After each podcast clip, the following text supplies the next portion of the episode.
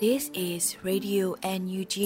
the voice of National Unity Government of Myanmar, broadcasting for Myanmar Spring Revolution. Radio NUG is transmitting from shortwave 16 meter 17.79 megahertz at 8:30 a.m. and 25 meter 11.94 megahertz at 8:30 p.m. Myanmar Standard Time. မင်္ဂလာပါရှင်။အမျိုးသားညီညွတ်ရေးအစိုးရရဲ့အတန်လွတ်ဌာန Radio NUG ကိုမန္တပိုင်း၈နိုင်ခွဲမှာလိုင်းတူ6မီတာ19.3ခွန်ကုန်းမဂါဟတ်စ်နဲ့ညပိုင်း၈နိုင်ခွဲမှာလိုင်းတူ25မီတာ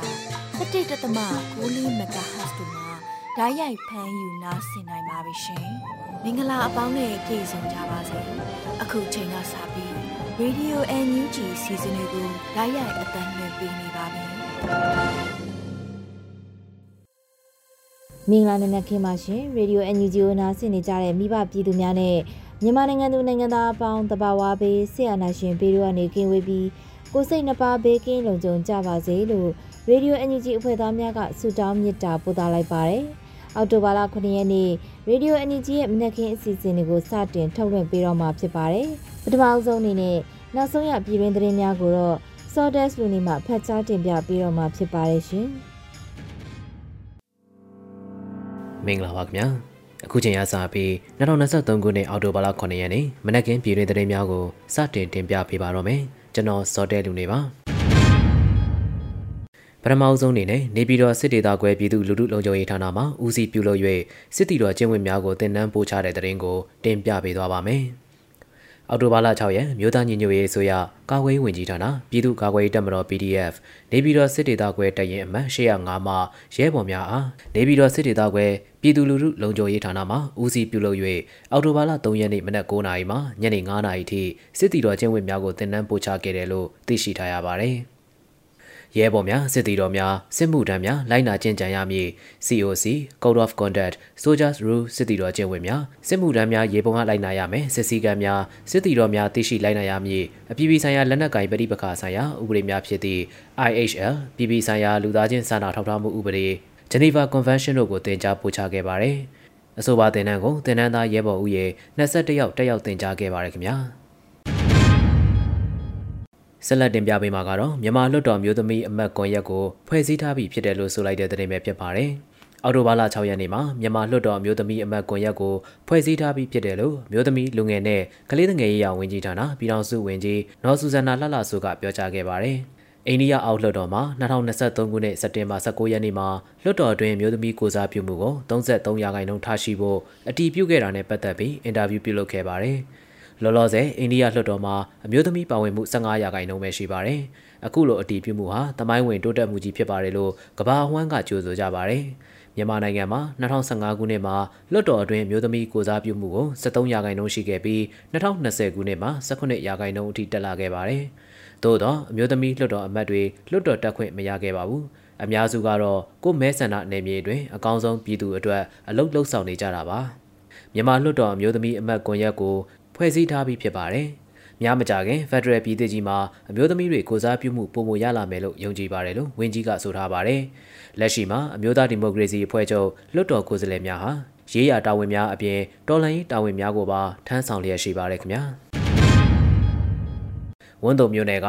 ကျိုးတောင်ရွာကစာတင်ကျောင်းကိုစစ်ကောင်စီကလက်နက်ကြီးနဲ့ပစ်ခတ်ခဲ့တဲ့ဖြစ်စဉ်ကိုတန်တမန်များအားရှင်းလင်းပွဲထပ်မံကျင်းပတဲ့တဲ့ဆက်လက်တင်ပြပေးသွားပါမယ်။ ဝန်းတုံမြို့နယ်ကဂျိုးတောင်ရွာကစာတင်ကျောင်းကိုစစ်ကောင်စီကလက်နက်ကြီးနဲ့ပစ်ခတ်ခဲ့တဲ့ဖြစ်စဉ်ကိုတန်တမန်များအားရှင်းလင်းပွဲထပ်မံကျင်းပခဲ့တယ်လို့ NUG လူခွင့်ရေးဆိုင်ရာဝန်ကြီးဦးအောင်မျိုးမင်းမှအောက်တိုဘာလ6ရက်နေ့မှာပြောကြားထားခဲ့ပါတယ်။ဝန်းတုံမြို့နယ်ကဂျိုးတောင်ရွာစာတင်ကျောင်းကိုဆယ်မိုင်ကွာမှာအခြေချတဲ့ခမာရ120ကဟောင်ဝင်စာလက်နက်ကြီးနဲ့ပစ်ခတ်လို့ကလင်းငယ်22ဦးနဲ့ဆီယာမ2ဦးထိခိုက်ဒဏ်ရာရရှိခဲ့တဲ့အဖြစ်အပျက်ကိုတန်တမန်များအားရှင်းလင်းပွဲထပ်မံကျင်းပခဲ့ပါတယ်။ မျက်မြင်သက်သေအကြောင်းဆရာမကြီးနဲ့သူနာပြုဆရာမကြီးတို့ရဲ့ကိုယ်တိုင်မြင်တွေ့ခံစားရတဲ့အကြောင်းပြောကြားမှုတွေကရင်ကိုထိခိုက်စေပါတယ်။နှလုံးသားနဲ့ပြောကြားမှုကိုရင်ဘတ်နဲ့နားထောင်ပြီးတိုင်းကြေကွဲရပါတယ်။စာသင်ခန်းထဲကသွေးကွက်တွေကိုကြည့်ပြီးအကြမ်းဖက်သူတွေကိုနာကြည့်မိတယ်။ကြေကွဲမှုတွေကနာကြည့်မှုနာကြည့်မှုမှသည်တရားမျှတမှုအတွက်ပုံပေါ်ခိုင်မာမှုဖြစ်စေပြီးပိုကြိုးစားရမယ်လို့ဆိုပြီးကိုကိုကိုသတိပေးနေမိတယ်လို့ဝင်းကြီးကဆိုထားပါတယ်။ 2023ခုနှစ်စက်တင်ဘာလ29ရက်နေ့နေ့လယ်12နာရီခွဲအချိန်ကစကိုင်းတိုင်းကောလင်းခရိုင်ဝန်းတုံမြို့နယ်ဂျိုးတောင်ရွာမှဘူတာစုရက်ရှိခန္ဒီဝန်တရာမကျောင်းတိုက်ကိုဝန်းတုံမြို့ပေါ်ရှိအကြံဖက်စေအုပ်စုကတမခ33လက်အောက်ခံခမရ120အထိုင်တက်ကတိုက်ပွဲဖြစ်ပွားခြင်းမရှိဘဲဟာဝင်စာလက်နက်ကြီးများနဲ့ပစ်ခတ်ခဲ့ပါတယ်။ ဒီလိုပြက်ခတ်ခဲ့တာကြောင့်ဘုံတော်ကြီးကျောင်းနဲ့ကလျက်ရှိကျေးရွာအခြေပြုပြည်သူပညာရေးစာသင်ကျောင်းဆောင်မှာစာသင်ကြားနေတဲ့ဆရာမတအုပ်နဲ့ကလေးငယ်20ဦးစုစုပေါင်း22ဦးမှာလက်နက်ကြီးစများထိမှန်ဒဏ်ရာရရှိခဲ့ပါတယ်။ထိခိုက်ဒဏ်ရာရရှိခဲ့တဲ့ကလေးငယ်20ဦးဟာအသက်9နှစ်အရွယ်9ဦး10နှစ်အရွယ်9ဦးအသက်10နှစ်အရွယ်10ဦးပါဝင်ပြီးကြား10ဦးနဲ့မ10ဦးဖြစ်ပါတယ်ခင်ဗျာ။ ဆက်လက်တင်ပြပေးမှာကတော့မကွေးတိုင်းဒေသကြီးလွှတ်တော်ကိုစားပြုကော်မတီရဲ့ပုံမှန်စည်းဝေးမှာ Federal Unit နဲ့ပတ်သက်၍ဆွေးနွေးညှိနှိုင်းတိုင်ပင်မှုများလှုပ်ဆောင်ခဲ့တဲ့တဲ့တင်ပဲဖြစ်ပါတယ်။မကွေးတိုင်းဒေသကြီးလွှတ်တော်ကိုစားပြုကော်မတီပုံမှန်စည်းဝေးကိုအောက်တိုဘာလ6ရက်နေ့မှာကျင်းပခဲ့ပြီး Federal Unit နဲ့ပတ်သက်ပြီးဆွေးနွေးညှိနှိုင်းတိုင်ပင်မှုများလှုပ်ဆောင်ခဲ့တယ်လို့သိရှိရပါတယ်။ မကွေးတိုင်းဒေသကြီးလွှတ်တော်ကိုစားပြုကော်မတီပုံမှန်စည်းဝေးနှင်မြင့်ဆောင်2023ကိုနေ့လယ်တနာရီချိန်မှာကျင်းပပြုလုပ်ခဲ့ရမှာအစည်းအဝေးမှာ Federal Unit နဲ့ပတ်သက်၍ဆွေးနွေးတိုင်ပင်မှုများပြုလုပ်ခဲ့တယ်လို့သိရှိရပါတယ်။အဲဒီနောက် CRMHE ရှေ့လုပ်ငန်းစဉ်များအားချမှတ်ကအစည်းအဝေးအားညနေ3:30တွင်အောင်မြင်စွာရုပ်သိမ်းခဲ့ပါတယ်ခင်ဗျာ။ PRF ထောက်ပို့တက်တွင်ပါဝင်ရန်ချက်နိုင်ငံ NUG ကိုယ်စားလှယ်တိုက်တွန်းလိုက်တဲ့သတင်းကိုဆက်လက်တင်ပြပေးသွားပါမယ်။ PRF ထောက်ပို့တက်မှာပါဝင်ရန် ချက်နိုင်ငံအန်ယူဂျီကိုယ်စားလှယ်ဦးလင်းတန်းကတိုက်တွန်းစကားဆိုထားပါတယ်။ပြည်သူ့ຫນွေဦးဒေါ်လာရေးခုခံတွန်းလှန်စစ်နဲ့ထောက်ပို့တာဝန်ပြောရရင်ဒီအကြောင်းအရာသုံးခုလုံးဟာတစ်ဆက်တစ်ဆက်တည်းပါအထူးသဖြင့်ခုခံတွန်းလှန်စစ်မှာထောက်ပို့ကဏ္ဍကဘယ်လောက်ထိအရေးကြီးတယ်ဆိုတာအားလုံးအသိပါ ပြည်တွင်းပြည်ပပြည်သူများအဖို့ခုခံစစ်လက်နက်ကင်တိုက်ပွဲ M resistant မှာဖြစ်စေလူထုတိုက်ပွဲ civil resistant မှာဖြစ်စေကိုယ်တိုင်ကိုယ်ကျပါဝင်နိုင်ဖို့ဆိုတာအခက်အခဲတွေရှိကောင်းရှိနိုင်ပါတယ်။ဒါပေမဲ့ထောက်ပို့တာဝန်ထမ်းဆောင်ဖို့ကတော့အများစုအတွက်အဆင်ပြေကြမှာပါ။ PDF တက်မတော်အတွက်ထောက်ပို့ကို PRF ကဆောင်ရွက်လျက်ရှိပါတယ်။ပြည်တွင်းမှာပြည်သူ56တန်းကျော်ရှိပြီးမြန်မာပြည်ကိုချက်ကျုံမပြတ်သေးတဲ့ပြည်ပရောက်မြန်မာအနည်းဆုံး3တန်းကျော်တော့ရှိပါတယ်။ စုစုပေါင်းတန်း60လောက်ရှိရာမှာ PRF ထောက်ပို့တက်ကဘာကြောင့်တပ်ဖွဲ့ဝင်3-4သိန်းလောက်မရနိုင်ရမှာလဲလို့ဖော်ပြထားပါတယ်။ယခုပြည်သူဒေါ်လာရေးထောက်ပို့မိသားစု2.0 PRF 2.0စီစဉ်တဲ့မှာထောက်ပို့မိသားစုဝင်များထောက်ပို့လိုသောတိုင်းနယ်ပြည်နယ်များကိုရွေးချယ်ခွင့်ရရှိမည်ဖြစ်ပြီးထောက်ပို့မိသားစုဝင်ရွေးချယ်ထားသည့်ဒေသများမှာအခြေစိုက်တဲ့ပြည်သူ့ကာကွယ်ရေးတပ်မတော် PDF တပ်ရင်စစ်ကြောင်းများသို့မဟုတ်မဟာမိတ်ဒေါ်လာရေးအဖွဲ့အစည်းများထံသို့ခွဲဝေပေးပို့သွားမှာဖြစ်ပါတယ်။ ပြည်သူ့တော်လှန်ရေးထောက်ပို့မိသားစု PRF အစီအစဉ်စတင်ခဲ့သည့်2021ခုနှစ်ဒီဇင်ဘာလမှ2023ခုနှစ်ဧပြီလအထိ18လတာကာလအတွင်းခံမှန်အမေရိကန်ဒေါ်လာ10.93သန်းရရှိခဲ့ပြီးရရှိလာသောပြည်သူ့ထောက်ပို့ငွေများကိုမြို့သားညီညွတ်ရေးအစိုးရကာကွယ်ရေးဝန်ကြီးဌာန ပြည်သူ့ကာကွယ်ရေးတပ်မတော် PDF များ၏တပ်ရင်းစစ်ကြောင်းများထောက်ပံ့စရိတ်အဖြစ်ခံမှန်အမေရိကန်ဒေါ်လာ9.33သန်းအသုံးပြုခဲ့ပြီး PRF အစီအစဉ်ထောက်ခံမှုဖြင့်ခံမှန်အမေရိကန်ဒေါ်လာ1.9သန်းကိုပြည်သူ့ကာကွယ်ရေးအဖွဲ့ပကဖများဒေသကာကွယ်ရေးအဖွဲ့ LDF များနှင့်စစ်လက်နက်ထုတ်လုပ်ရေးစခန်းများသို့ဓာတ်ရိုက်ပေးပို့ခဲ့ပါရခင်ဗျာမရယာမျိုးနဲ့30ဘေးရွာမှာအထိုင်ချတက်ဆွဲထားတဲ့ ပြူစစ်ကောင်စီအထိုင်စခန်းကိုကာကွယ်ရေးတပ်များတိုက်ခိုက်ခဲ့ရမှာစစ်ကောင်စီတပ်နဲ့ပြူ20ခန့်သေဆုံးသွားတဲ့တဲ့ရင်ကိုဆက်လက်တင်ပြပေးပါမယ်။မရယာမြို့နယ်30ဘေးရွာတွင်အထိုင်ချတက်ဆွဲထားတဲ့ပြူစစ်ကောင်စီအထိုင်စခန်းအားကာကွယ်ရေးတပ်များကတိုက်ခိုက်ခဲ့ရမှာစစ်ကောင်စီတပ်နဲ့ပြူစောတိ20ခန့်သေဆုံးခဲ့တယ်လို့အော်တိုဘာလ6ရက်နေ့မှာစစ်ရေးသတင်းနဲ့ပတ်သက်ပြီးပြည်သူ့ကာကွယ်ရေးတပ်ဖွဲ့မရယာမြို့နယ်ကအတည်ပြုဆိုထားပါတယ်။ အောက်တိုဘာလ9ရက်မနက်ပိုင်း9:45မိနစ်ချိန်ကမရယာမြို့နယ်ပြည်သူ့ကာကွယ်ရေးအဖွဲ့ပကဖပသိမ်ကြီးမြို့နယ်ပြည်သူ့ကာကွယ်ရေးအဖွဲ့ပကဖကောင်းကင်ဒေါ်လာရေးအင်အားစုနဲ့ရွှေဘိုခရိုင်တရင်15 Eagle Gorilla Force နဲ့မဟာမိတ်အဖွဲ့များပူးပေါင်း၍မရယာမြို့နယ်30ပေရွာတွင်အထိုင်ချတပ်ဆွဲထားသောပြူစစ်ကောင်စီအထိုင်စခန်းအား drone ဖြင့်ပုံသီးချတိုက်ခိုက်ခဲ့ပြီးအထိုင်ချစခန်းအနားမီတာ100အထိဝင်ရောက်စီးနင်းပစ်ခတ်ခဲ့ပါတယ်လို့ဆိုထားပါတယ်။ ထိတွေ့တိုက်ခိုက်မှုကြောင့်စစ်ကောင်စီပြူ20ခန့်သေဆုံးပြီး12ဦးဒဏ်ရာရရှိတယ်လို့ဆိုပါတယ်။၎င်းတိုက်ပွဲအပြီးတွင်မဟာမိတ်အဖွဲ့မှ drone တစ်စီးပျက်စီးဆုံးရှုံးသွားပြီးပြည်သူရဲဘော်များအထိကိမရှိပြန်လည်ဆုတ်ခွာနိုင်ခဲ့ပါတယ်ခင်ဗျာ။ပခုတ်ကူမြို့နယ်ရှိပြူစောတိများအုပ်ချုပ်ထားသောရွာများကိုဝင်းရောက်တိုက်ခိုက်ခဲ့ရမှာစစ်သားနှင့်ပြူစောတိ12ဦးသေဆုံးသွားတဲ့တဲ့ရင်ကိုတင်ပြပါအောင်မယ်။အဆိုပါတဲ့ရင်ကိုအောက်တိုဘာလ6ရက်နေ့မှာဇာမနီပျောက်ကြားတပ်ဖွဲ့ကအခုလိုအသိပေးဖော်ပြထားပါတယ်။ ပခုတ်ကူမြို့နယ်ရှိပြူစောတိများအုပ်ချုပ်ထားသောရွာသစ်ရွာတောင်ယာရွာမြောက်ယာရွာရေနံချက်အုပ်ချောင်းရွာများကိုဝင်ရောက်တိုက်ခိုက်ခဲ့ရမှာစစ်သားနဲ့ပြူစောတိ၁၁ဦးသေဆုံးပြီးဂျမ်မာဆက်တလုံးနဲ့တပ်မ88လက်အောက်ခံစစ်သားယူနီဖောင်းများ equipment များနှင့်စစ်သုံးဆောင်ပစ္စည်းများတင်ဆက်နိုင်ခဲ့ပြီးပြည်သူ့ကာကွယ်ရေးတပ်ဖွဲ့ဝင်2ဦးမစိုးရိမ်ရဒဏ်ရာရရှိခဲ့ပါတယ်။ ထို့သောဝင်ရောက်တိုက်ခိုက်မှုမှာဇာမနီပျောက်ကြားတပ်ဖွဲ့ပခုတ်ကူတပ်ရင်ရှင်မြိုင်ပြည်သူ့ကာကွယ်တပ်ဖွဲ့ပကဖတပ်ရင်2တပ်ခွဲ1တပ်ခွဲ2တပ်ခွဲ3ဂျေးလက်ဒေသပျောက်ကြားတပ်ဖွဲ့မြိုင်စလင်းကြီး Special Task Force SSDF ရင်းမာပင်ခရိုင်တပ်ရင်14တပ်ရင်15နဲ့ Earthquake People Defense Force တို့ပူးပေါင်းတိုက်ခိုက်ခဲ့ခြင်းဖြစ်ပါတယ်ခင်ဗျာဆက်လက်တင်ပြပေးမှာကတော့မြိုင်မြို့နယ်မှာထိခိုက်ဒဏ်ရာရသူများကိုလာရောက်ခေါ်ဆောင်တဲ့စစ်ကောင်စီအဖွဲ့ကမိုင်းထိ၍ထိခိုက်ဒေဆုံးမှုများရှိနိုင်တဲ့တဲ့ရင်ပဲဖြစ်ပါတယ်။ အဆိုပါတဲ့ရင်ကိုအော်တိုဘာလ6ရက်နေ့မှာမြိုင် Underground Defense Force MUGDF ကအတည်ပြုဆိုထားပါတယ်။အော်တိုဘာလ3ရက်နေ့ကိုင်းတော်မှဆက်ရည်ရင်းဆောင်စစ်ကောင်စီများအပြင်သို့လာစဉ်တိုက်ခိုက်ခဲ့ပြီးထိုတိုက်ပွဲမှာစစ်ကောင်စီ၄ယောက်သေဆုံးပြီးစစ်ကောင်စီ၃ယောက်အပြင်းထန်ဒဏ်ရာရရှိခဲ့တယ်လို့ဆိုပါတယ်။အဆိုပါတေဆုံးစစ်ကောင်စီများအားမြိုင်ကပ္ပစစက်ရုံတွင်တပ်ဆွဲထားသောစစ်ကောင်စီတပ်များမှလာရောက်ကောက်ယူသွားခဲ့ပါတယ်။ အော်တိုဘာလ၄ရက်မနက်ပိုင်းမှာတေဆုံးဒဏ်ရာရရှိထားတဲ့စစ်ကောင်စီတပ်ဖွဲ့ဝင်များအားမြိုင်ကပ္ပစစက်ရုံထဲမှစစ်သားများမှကားများဖြင့်လာရောက်ခေါ်ဆောင်သွားပြီးထိုကားအားမြိုင် Underground Defense Force MUGDF နဲ့မြိုင်ပကဖတရင်သုံးတက်ခွဲတင်မှာပေပါမိုင်းအပါအဝင်ပရိဒါမိုင်းရှစ်လုံးဖြင့်ဖောက်ခွဲတိုက်ခိုက်ခဲ့တယ်လို့ဆိုပါတယ်။ထိုတိုက်ခိုက်မှုအပြီးမိုင်းထက်ချ၍နယ်မြေရှင်းလင်းရေးတော်ရောက်စဉ်စစ်ကောင်စီ၏တနက် MA3 ကြံခဲ့ပြီးစစ်ကောင်စီကမှတစ်ပင်နဲ့ပို့တိုက်မှုဖြစ်ပွားပြီးထိခိုက်ကြဆုံးမှုများလည်းရှိနိုင်ပါတယ်ခင်ဗျာ အခုနောက်ဆုံးအနေနဲ့2023ခုနှစ်ဇန်နဝါရီလမှအောက်တိုဘာလ6ရက်နေ့ထိနိုင်ငံတော်ဝန်အကြမ်းဖက်စေအုပ်စုကလူပေါင်း1800ကျော်ကိုဖမ်းဆီးခဲ့ပြီးသခိုင်းတိုင်းနဲ့ရန်ကုန်တိုင်းမှာအများဆုံးပါဝင်ခဲ့တဲ့တဲ့ရင်ကိုတင်ပြပေးသွားပါမယ်။အဆိုပါသတင်းကိုအော်တိုဘာလ6ရက်နေ့မှာနိုင်ငံရေးအကျဉ်းသားများကူညီဆောက်ရှောက်ရေးအသင်းမှအခုလိုအသိပေးဖော်ပြထားပါတယ်။ 2023ခုနှစ်ဇန်နဝါရီလမှအောက်တိုဘာလ6ရက်နေ့ထိနိုင်ငံတော်ဝန်၌အကြမ်းဖက်စစ်အုပ်စုကအမျိုးသမီး900ဦးအမျိုးသား1363ဦးနဲ့လိင်စိတ်ခံယူမှုကွဲပြားသူ2ဦးစုစုပေါင်း1864ဦးကိုဖမ်းဆီးခဲ့တယ်လို့သိရှိရပါတယ်။ဖမ်းဆီးခံရမှုများအနေဖြင့်စကိုင်းတိုင်းမှာ365ဦးဖြင့်အများဆုံးနေရာတွင်ရှိနေပြီးရန်ကုန်တိုင်းမှာ316ဦးဖြင့်ဒုတိယအများဆုံးဖမ်းဆီးခံခဲ့ရပါတယ်။စက်တင်ဘာလ30ရက်နေ့မှာစကိုင်းတိုင်းစကိုင်းမြို့ စိန်ကုန်းရက်ကွက်မှာအာနာဖီဆန်ရေးလှုပ်ရှားမှုတွေပါဝင်သောဇနီးမောင်နှံဖြစ်သည့်ကိုအောင်ဆန်းဝင်းနှင့်မတ်မျိုးစုတပ်တို့ကိုအကြမ်းဖက်စေအုပ်စုက၎င်းတို့၏နေအိမ်၌ဖမ်းဆီးခဲ့ပြီးအောက်တိုဘာလ၄ရက်နေ့မှာ၎င်းတို့၏နေအိမ်ကိုချိတ်ပိတ်သွားခဲ့ပါတယ်ခင်ဗျာ။အခုတင်ပြခဲ့တဲ့သတင်းတွေကိုတော့ Radio NUG သတင်းတော့မင်းတီဟန်ကပေးပို့ထားတာပဲဖြစ်ပါတယ်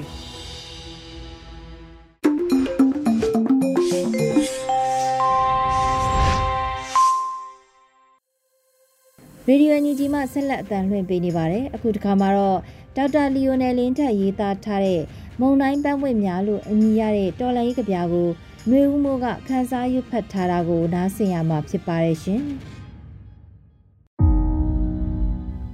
မုံတိုင်းပန်းပွင့်များလူငယ်ဆိုတာအနာဂတ်ရဲ့မျောလင့်ချက်လို့ဒေါက်တာရီဇော်ကပြောအပြီးမှာဟုတ်ပါပြီမစ္စတာရီဇော်ကျွန်တော်တို့မျောလင့်ချက်တွေကတောထဲမှာဗျ လူငယ်တွေကအဲ့ဒီမှာလေလို့ကျွန်တော်ပြောချင်တယ်တောထဲတောင်ထဲမှာမျောလင့်ချက်ဆိုတဲ့လူငယ်လေးတွေရှိတယ်အပူအပင်မဲ့ဘဝကလာခဲ့ကြတဲ့သူတွေရှိသလိုအပူအပင်နဲ့ဘဝကလာသူတွေလည်းရှိတယ်မြို့ကြီးပြကြီးမှာတက္ကသိုလ်တက်နေသူတွေပါတယ်လို့ဘဝတက္ကသိုလ်မှာဘွဲ့လွန်တက်သူတွေလည်းပါတယ်ဒါပေမဲ့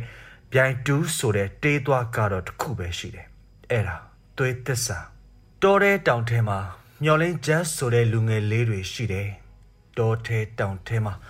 လူသားအလုံးအပေါ်ဗလိုက်ချင်းကင်းတဲ့မောင်းပြန်တနတ်တွေနဲ့အတူ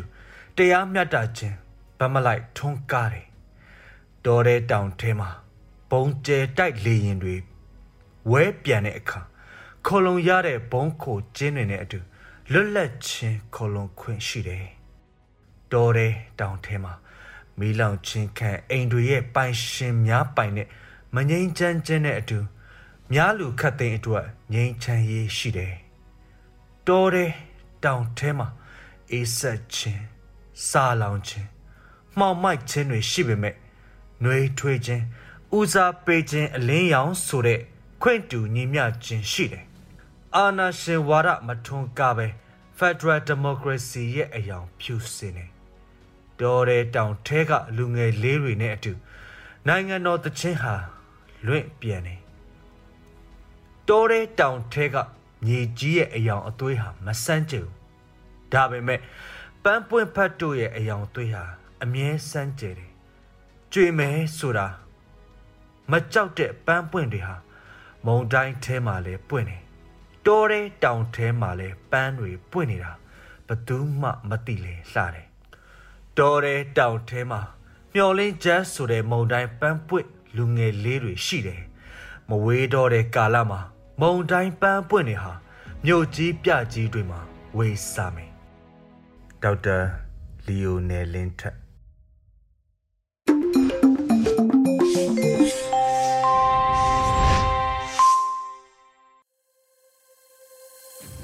ရေဒီယိုအန်ယူဂျီရဲ့မနက်ခင်းအစီအစဉ်တွေကိုဆက်လက်အသံလွှင့်ပေးနေပါတယ်။အခုတစ်ခါမှာတော့ PPTV ရဲ့နေ့စဉ်သတင်းများကိုရိမ့်မှဖတ်ကြားတင်ပြပေးတော့မှာဖြစ်ပါတယ်ရှင်။အခုချိန်ကစပြီး PPTV သတင်းတွေကိုတင်ဆက်ပေးတော့မှာပါ။ကျွန်မရိမ့်ပါ။ ပထမဆုံးအနေနဲ့တင်ဆက်ပေးမယ့်သတင်းကတော့ပြည်ထောင်နဲ့လူမှုကြီးကြပ်ရေးဝန်ကြီးဌာနနဲ့ခရိုင်ပြည်သူ့အုပ်ချုပ်ရေးအဖွဲ့များတွဲဆုံဆွေးနွေးတဲ့သတင်းမှာအမျိုးသားညွရေးအစိုးရပြည်ထောင်နဲ့လူမှုကြီးကြပ်ရေးဝန်ကြီးဌာနနဲ့ခရိုင်ပြည်သူ့အုပ်ချုပ်ရေးအဖွဲ့များတွဲဆုံဆွေးနွေးမှုအစည်းအဝေး30နှစ်မြင်းဆောင်2023ကိုအောက်တိုဘာ9ရက်မွန်းလွဲ3နိုင်မှာပြုလုပ်ခဲ့ကြပါတယ်။အစည်းအဝေးမှာပြည်ထောင်နဲ့လူမှုကြီးကြပ်ရေးဝန်ကြီးဌာန ဒုတိယပြည်ထောင်စုဝန်ကြီးခုရဲဘူးရဲ့ဆွေးနွေးမှုနဲ့စတင်ခဲ့ပြီးတွဲဘက်အမြဲတမ်းအတွင်းဝင်ကလုပ်ငန်းဆောင်ရွက်ချက်များနဲ့ပတ်သက်ပြီးရှင်းလင်းပြောကြားခဲ့ပါတယ်။ဆက်လက်ပြီးတက်ရောက်လာတဲ့ခရိုင်ပြည်သူ့အုပ်ချုပ်ရေးအဖွဲ့များကမြေပြင်မှာကြုံတွေ့နေရတဲ့ကိစ္စရပ်များလိုအပ်ချက်များအခက်အခဲများကိုမေးမြန်းဆွေးနွေးကြကဝန်ကြီးဌာနရဲ့တာဝန်ရှိသူများကပြန်လည်ဖြေကြားဆောင်ရွက်ခဲ့ပါတယ်။အဆိုပါအစည်းအဝေးသို့ဒုတိယပြည်ထောင်စုဝန်ကြီးခုရဲဘူးမှဦးဆောင်ကတွဲဘက်အမြဲတမ်းအတွင်းဝင် ပြည်သူ့အုပ်ချုပ်ရေးဦးစီးဌာနတာဝန်ရှိသူများခရိုင်ပြည်သူ့အုပ်ချုပ်ရေးအဖွဲ့များမှတက်ရောက်ခဲ့ကြတယ်လို့ပြည်ထောင်ရေးနယ်လူမှုကြီးကြပ်ရေးဝန်ကြီးဌာနကသတင်းထုတ်ပြန်ထားပါတယ်။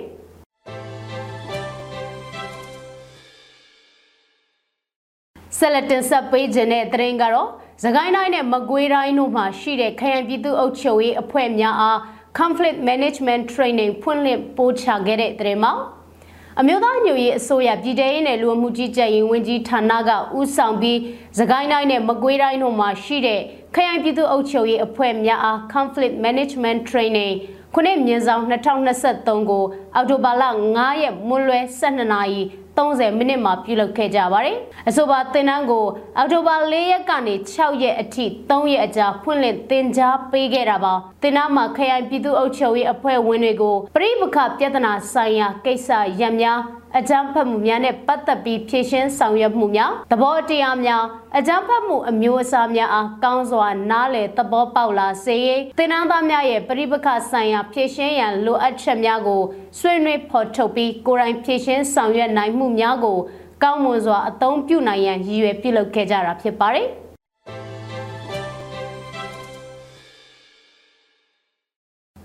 ဆက်လက်တင်ဆက်ပေးမဲ့သတင်းကຫນွေဦးတော်လှန်ရေးကာလအတွင်းကြာဆုံးခဲ့ရသူပေါင်း4142ဦးအထိရှိနေခဲ့ပြီလို့ AAPP ထုတ်ပြန်တဲ့သတင်းမှာအကြံဖတ်စစ်တပ်ကအာဏာသိမ်းပြီးတဲ့နောက်အရသာပြည်သူတွေကိုတပ်ဖြတ်လျက်ရှိရမှာအော်တိုဘာ9ရက်အထိစည်ရင်းတွေအရကြာဆုံးခဲ့ရသူ4142ဦးအထိရှိပြီဖြစ်တယ်လို့နိုင်ငံရေးအကျဉ်းသားများကုညီဆောင်ရှောက်ရေးအသင်း AAPP ကထုတ်ပြန်လိုက်ပါတယ်။နိုင်ငံရေးအကျဉ်းသားများကုညီဆောင်ရှောက်ရေးအသင်း AAPP ရဲ့မှတ်တမ်းပြုချက်တွေအရ2021ခုနှစ်ဖေဖော်ဝါရီလ1ရက်နေ့ကနေ2023ခုနှစ်အောက်တိုဘာ9ရက်အထိဖမ်းဆီးချုပ်နှောင်ခြင်းခံထားရသူစုစုပေါင်း39662ဦးရှိပြီး၎င်းတို့အနက်မှ9664ဦးမှာထောင်ဒဏ်ချမှတ်ခံထားရတယ်လို့ဖော်ပြထားပါတယ်။ ပြစ်ဒဏ်ကြခံရသူတွေထဲမှာ112ဦးကသေဒဏ်ချမှတ်ခံထားရတာပါမျက်ွယ်သေဒဏ်ချမှတ်ခြင်းခံထားရသူ53ဦးအပါအဝင်119ဦးမှာမျက်ွယ်ပြစ်ဒဏ်ချမှတ်ခြင်းခံထားရတယ်လို့ဆိုပါတယ်အဲ့ဒီစရင်တွေအရသေဒဏ်ချမှတ်ခံထားရသူစုစုပေါင်း155ဦးရှိပြီဖြစ်တယ်လို့လည်းဖော်ပြထားပါတယ်အမခနဲ့လွတ်မြောက်လာသူက24ဦးရှိပြီးပြန်လည်လွတ်မြောက်လာတဲ့အရေးအတွက်က 9589ဦးရှိတယ်လို့ဆိုပါတယ်။ဖော်ပြပါဂိင်္ဂနန်အရေးအတွက်တွေက APP မှကောက်ယူရရှိထားတဲ့အရေးအတွက်ဖြစ်ပြီးမြေပြင်မှာဖြစ်ပွားနေတဲ့အချက်အလက်နဲ့ဂိင်္ဂနန်အရေးအတွက်တွေက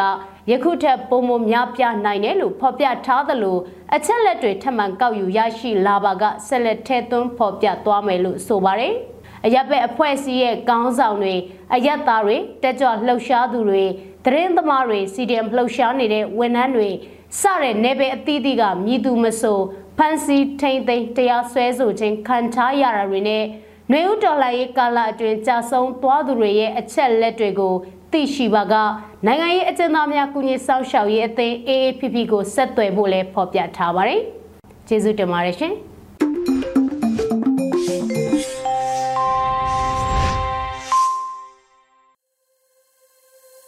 ရေဒီယိုအန်ဂျီမှဆက်လက်အသံလွှင့်ပေးနေပါတယ်အခုတခါမှာတော့စစ်နိုင်ရေးသားထားပြီးညီညီတီဆိုထားတဲ့ PRFN ဆောင်းကိုအမည်ရတဲ့တော်လန်ရေးတေဂီတာကိုနားဆင်ရမှာဖြစ်ပါတယ်ရှင်။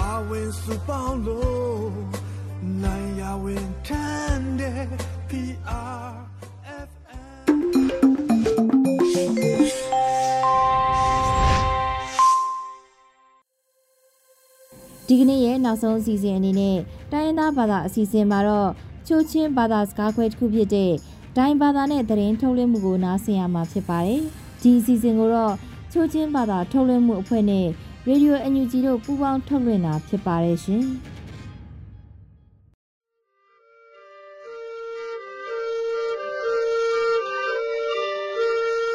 10 ba ki ngoi lap do ti lu diary ti u khu ning ya um tham ni tu ngoi mai kha a khum hum khun tu ma tung ni hung ya ka thak tung ye sun ki dai sol hai no ka ning yam thelo tu khai ni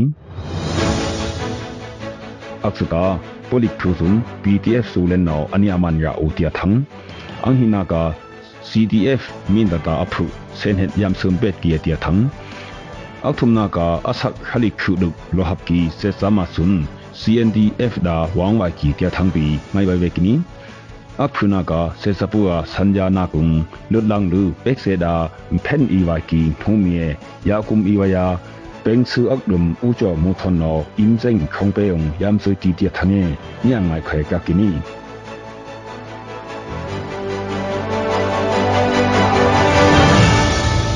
တီတင်လူငောစေစပုန်ကအန်ဟိနတ်တတ်ပုိကီယာစေစာဖူဇွန်အနိယမန်ယာအိုတီလူ PDF สูเลนเนาะตูคาอัง หิมเฮปุงทางอัปราหัวกากินีအဟိနာဖရူဟိနောတီတင်ယာရီကာလမုံลูกศิษย์ฮูคางเงอักลุบดางွေชุนอันนี้ตองยามဖုอันนี้มันอูတီလူထန်းအန်ယူကကကိနီဆက်စာဖရူစနောဘွိမဟာစေဟိုင်ဆုမိကီယာsắc si bi ani am hu tilu khonum tung pa mi thangong anyu ka ka kini mkhuinu kha ngbi se sapua khayeng umno asuma moto ka mat phi ania khaya ka kini ahina kha phru sun i hok ba ya si yang wai ti ta ku mu ma thama ka kini International Mintachu Organization IMCO Heal the War CEA Norway Thum Don Ulu အဆုမမောတောကမတ်ဖီအနိယခယာကကိနီအဟိနာခါဖုစွန်ဤဟောက်ပါယာစီယန်ဝိုင်တီတာကုမုမထမကကိနီ International Mintachu Organization IMCO Heal the War CEA Norway Thumton Ulu CDF Mintatung Senhen Yamsum Pet Kie Tia Thang Hua Kakini EK47 Angthanga Phukip Yantong Tonga Ya Thonghi yan tong im aphrayam ku sun mkhui zakha umung ctf min datung liam hup kia tilu imco no petini a hin hin khokum thong hi kunung mku yang hi mga khaung anitun ya kakini american dola tingat kunung tokhya thom ha puilu doctor anyinga hil tawoya cea norway no dola tok thumya thom ha ani apuya kakini leilokia huishunung iki 47 yang ha yantong thok thum yantong im thumkit yakhi pet be tu wai tilu petia kakini aishina phu yaku iki abung yaye eni tilu imco no petkini ဖလမ်လုန်ဟေကလီဖလမ်လမ်ငါမဇိုက်ခိုဆက်ဆာငေါနနုံကာဆက်ဆာကီဖြူအောင်စွန် CNDF ဒါဝမ်ဝိုင်ကီတီလူတရီဖီဝါ့ချ်ထငဝက်ကနီအခေါကုမ်ဟလိခုဒုလဟပ်ကီဆက်ဆာပီဖြူအောင်စွန်နော် ME1 yan dong phrak thum ko nong phagip yam ha kudwan pung lung hi 40မမဘုတ်ထိငိယာလောပူလူငခွိစခာငကိုယခုကုံဝေါငလော်ကီအနိတယာကကိနီကောနာလွတ်နာခောဒါအနိသာဝိုင်ဝါကကိနီဆက်စာပီဖြူအောင်စွန်းခောကုံထောင်းဟိကနုံမကူခွိစခာအုံမန်ဥလူနုံကန်နာဥလူဆက်ဆောင်အနိဖာနာကကီတီလူအပုနောဆက်စီအပနာကကိနီနင်ဟုခေါင်ပီ batua sesa phu CTF batuda wangwai ke kakini tuwe hi sesa pu da khu wangloki tonga ya thok phu lon hu ki tilu NUG no khu za khang thanga prau hwa kakini tu mui khang ani bi khu ki bia akhena UN thuna ak thumna ko mati thuna ka nhumi ye ngyung thonung sungi kia thuna kung UN ပင်ဆူဥကြောမူထနောမထူပက်ကီယာကကီနီမပပေယာဟိုမီယေဟိုမီဆာယေစေစပူနောအနိယဝေဆောဤအုံပူယာကုမ်အီဝိုင်ထုကီရှုံဖုတ်ကီယေအနိယမ်တာတလာဆွန်အတေယာဝိုင်ထုကီစေစပူအာဆန်ယာဖန်အီလော်ကီဟိုမီယေအင်စင်ခုံပေနောနနိယကုမ်အီဝိုင်ထုကီတီလူပင်ဆူအကလုံ ဥကြောမူထနောယမ်ဆုကီယာကကိနီခုပ်ထောင်းဥမာခုပ်ကေယာကူအီကီအီအီပီပီယာဆာလာငုံဆေဆာပူနောတော့ဖြူကနုံဖရာယာဖကိပယာမတ်အနိယန်ဟိမူအဆုနုံဖရာခုယာဟလိထုမ်ဆွန်ဟိုမီယနီတီလူဆာလာငုံအနိတမာကကိနီဇုံငိုင်းကီနုံပဘေနာနင်းရဟေနောင်နီ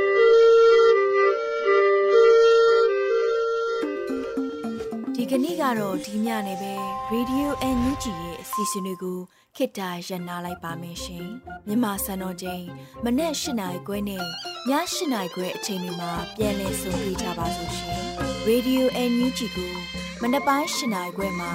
လိုင်းတူ16မီတာ19.7မဂါဟတ်နဲ့ညပိုင်း၈နိုင်ခွဲမှာလိုင်းတူ25မီတာ17.6မဂါဟတ်တို့မှာဓာတ်ရိုက်ဖမ်းယူ နာဆင်နိုင်ပါပြီရှင်။မြန်မာနိုင်ငံသူနိုင်ငံသားများကိုစိတ်နှဖျားစမ်းမချမ်းသာလို့ဘေးကင်းလုံခြုံကြပါစေလို့ Radio NUG ရဲ့ဖွဲ့သူဖွဲ့သားများကဆုတောင်းလိုက်ရပါတယ်။ San Francisco Bay Area အခြေစိုက်မြန်မာမိသားစုများနဲ့နိုင်ငံတကာကစေတနာရှင်များလို့အားပေးကြရဲ့ Radio NUG ဖြစ်ပါတယ်ရှင်။အရေးတော်ပုံအောင်ရမည်